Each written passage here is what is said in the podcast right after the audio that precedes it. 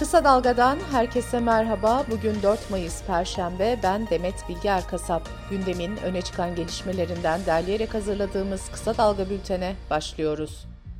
14 Mayıs seçimlerine 10 gün kaldı. 14 araştırma şirketin verilerinin ortalaması alınarak hazırlanan Türkiye raporunun Anketlerin Anketi başlıklı derlemesi, Cumhurbaşkanı adaylarının ve partilerin oy oranları ile ilgili son tahminleri ortaya koydu. Buna göre Millet İttifakı'nın adayı CHP Genel Başkanı Kemal Kılıçdaroğlu, Cumhurbaşkanı seçiminin ilk turunda %47.64 oranında oy alıyor. Cumhur İttifakı'nın adayı Cumhurbaşkanı Erdoğan da %44.22 oranında oy alırken seçim ikinci tura kalıyor. Çalışmaya göre ikinci turda Kılıçdaroğlu %52.03, Erdoğan da %47.97 oranında oy alıyor. Meclis seçiminde ise Cumhur İttifakı'nın oy oranı %42.8 görünüyor. Millet İttifakı ise %38.6 oy alabiliyor. Anketlere göre Emek ve Özgürlük İttifakı'nın oy oranı ise %11.9. Yurtdışı temsilciliklerinde ve gümrüklerde oy kullanma işlemi bir haftayı doldurdu. YSK'nın açıklamasına göre 859 binden fazla kişi oy kullandı. Voice of America'nın haberine göre Almanya'da 2018 seçimlerinin ilk 5 gününde toplam 212 bin kişi sandığa gitmişti. Bu seçimler için ilk 5 günde 290 binden fazla kişi oy kullandı. Bir önceki seçimle kıyaslandığında Almanya'da oy kullanma oranı %37 artış gösterdi. Avrupa'nın yanı sıra ABD ve Avustralya sandıklarında da %100'e varan artış yaşandı. Yurtdışı temsilciliklerinde oy verme işlemi 9 Mayıs, gümrüklerde ise 14 Mayıs'ta sona erecek. Bu arada YSK'nın açıkladığı seçim takvimine göre propaganda serbestliği ve 1 Kasım seçim yasakları da bugün itibariyle başlayacak. Seçime sayılı günler kalırken iktidar kanadından gelen tartışmalı açıklamalara bir yenisi daha eklendi. AKP milletvekili Salim Çivitçioğlu katıldığı bir programda Erdoğan üzecek harekete girenleri, bu millete zulüm etmeye kalkışanları önce uyarırız, uymuyorlarsa kulağını koparırız dedi. Türkiye Büyük Millet Meclisi Başkanı Mustafa Şentop, 27. dönemde yasama dokunulmazlığı tezkerelerinin sayısının 2002'ye ulaştığını açıkladı. Bu sayının makul sınırlar içinde değerlendirilemeyeceğini söyleyen Şentop, yeni anayasa çalışmalarında yasama dokunulmazlığı konusunda bir formülün değerlendirilmesi gerektiğini belirtti. 3 Mayıs Dünya Basın Özgürlüğü gününde gazeteciler ortak bir açıklamayla 14 Mayıs seçimlerinden sonra kurulacak yeni hükümete çağrıda bulundu. Gazetecilerin ilk talebi gazeteciliğin suç sayılmaması oldu. Metinde Cumhurbaşkanı'na hakaret düzenlemesi ve dezenformasyon yasası diye adlandırılan sansür yasasının da kaldırılması istendi. Türkiye, sınır tanımayan gazeteciler örgütü tarafından yayınlanan 2023 Dünya Basın Özgürlüğü Endeksinde 180 ülke arasında 165. sırada yer aldı. 2013'te 16 sıra birden gerileyen Türkiye, endekste en sert gerileme gösteren ülkelerden biri oldu. Türkiye, AKP'nin iktidara geldiği 2002 yılında endeksin 99. sırasındaydı. Bu arada Dünya Basın Özgürlüğü gününde bir de tutuklama haberi geldi. Ankara merkezli soruşturma kapsamında gözaltına alınan Dicle Fırat Gazeteciler Derneği eş başkanı Dicle Müftüoğlu ve Mezopotamya Ajansı editörü Sedat Yılmaz'la birlikte 5 gazeteci tutuklandı. Türk Tabipleri Birliği Genel Sekreteri Vedat Bulut, Cumhurbaşkanı Erdoğan'ın yurt dışına giden doktorların Türkiye'ye dönmeleri için yaptığı çağrıya tepki gösterdi. Giderlerse gitsinler söylemi açıkça istatistiklere yansıdı diyen Bulut şöyle konuştu. Bunun yarattığı kırgınlığı kolay tamir edemezsiniz. Sağlıkta şiddetin kesinlikle çözülmesi lazım. Cezaların yaptırımlı olması, tehdidin devam etmemesi, ücretlerin kesinlikle artırılması gerekiyor.'' Sanatçı Gülşen'in geçen yıl bir konserde İmam Hatip liselere yönelik sözleri nedeniyle halkı kim ve düşmanlığa tahrik suçundan yargılandığı davada karar çıktı. Gülşen hakkında 10 ay hapis cezası verildi, hükmün açıklanması geri bırakıldı. Gülşen 25 Ağustos'ta tutuklanmış ve 29 Ağustos'ta da tahliye edilmişti. Kısa Dalga Bülten'de sırada ekonomi haberleri var.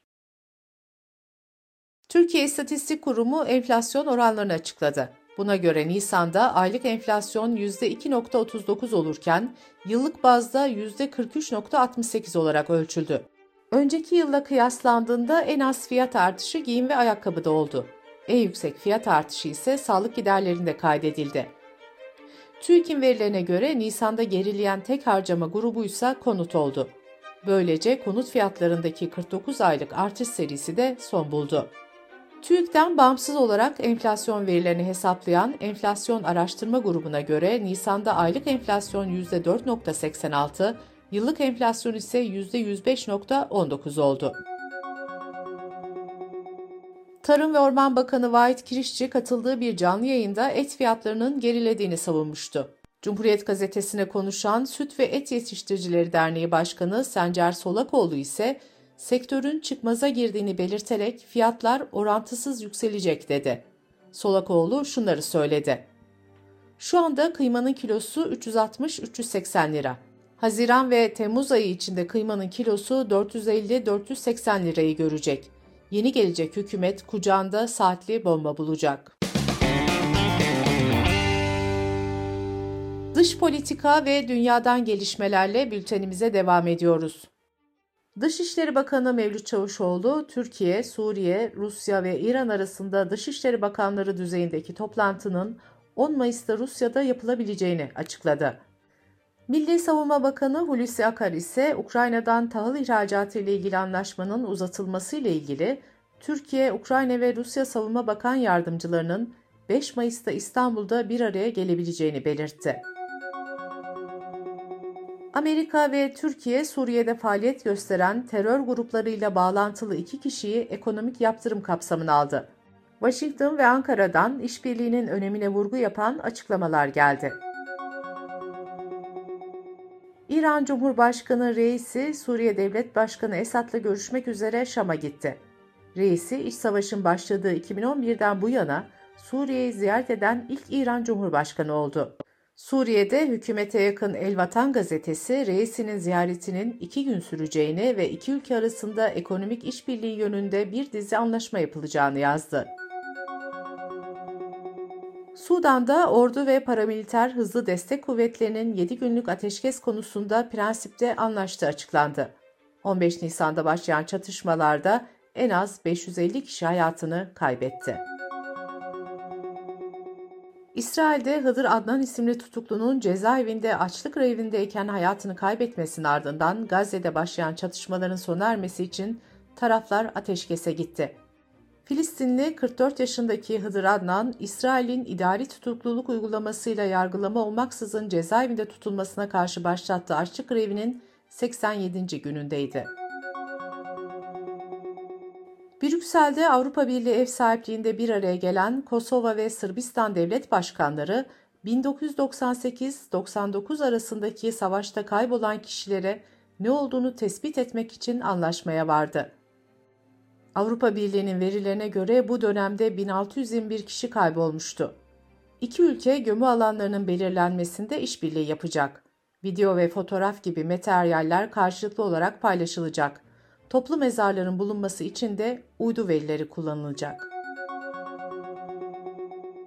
İngiltere Kralı 3. Charles'ın 6 Mayıs'ta yapılacak taç giyme törenine 203 ülkeden devlet başkanlarının da aralarında bulunduğu 2200'den fazla davetli katılacak. Törende Türkiye'yi Cumhurbaşkanı Yardımcısı Fuat Oktay temsil edecek. ABD Başkanı Joe Biden da taç giyme törenine katılamayacak, ülkesini eşi temsil edecek. Birleşmiş Milletler'e bağlı Dünya Meteoroloji Örgütü El Niño'nun gelecek aylarda rekor sıcaklıklara neden olacağını duyurdu. Örgüt, dünyanın El Niño'ya hazırlanması gerektiğini ifade ederek aşırı hava ve iklim olaylarının tetiklenebileceği uyarısında bulundu. İtalya'da yargı makamları bir koşucuyu ormanda öldüren ayının idam edilmesini talep etti. Mahkeme önce ayı hakkında ötenezi kararı verdi ancak hayvan hakları savunucularının tepkileri üzerine kararı askıya aldı. Bültenimizi kısa dalgadan bir öneriyle bitiriyoruz.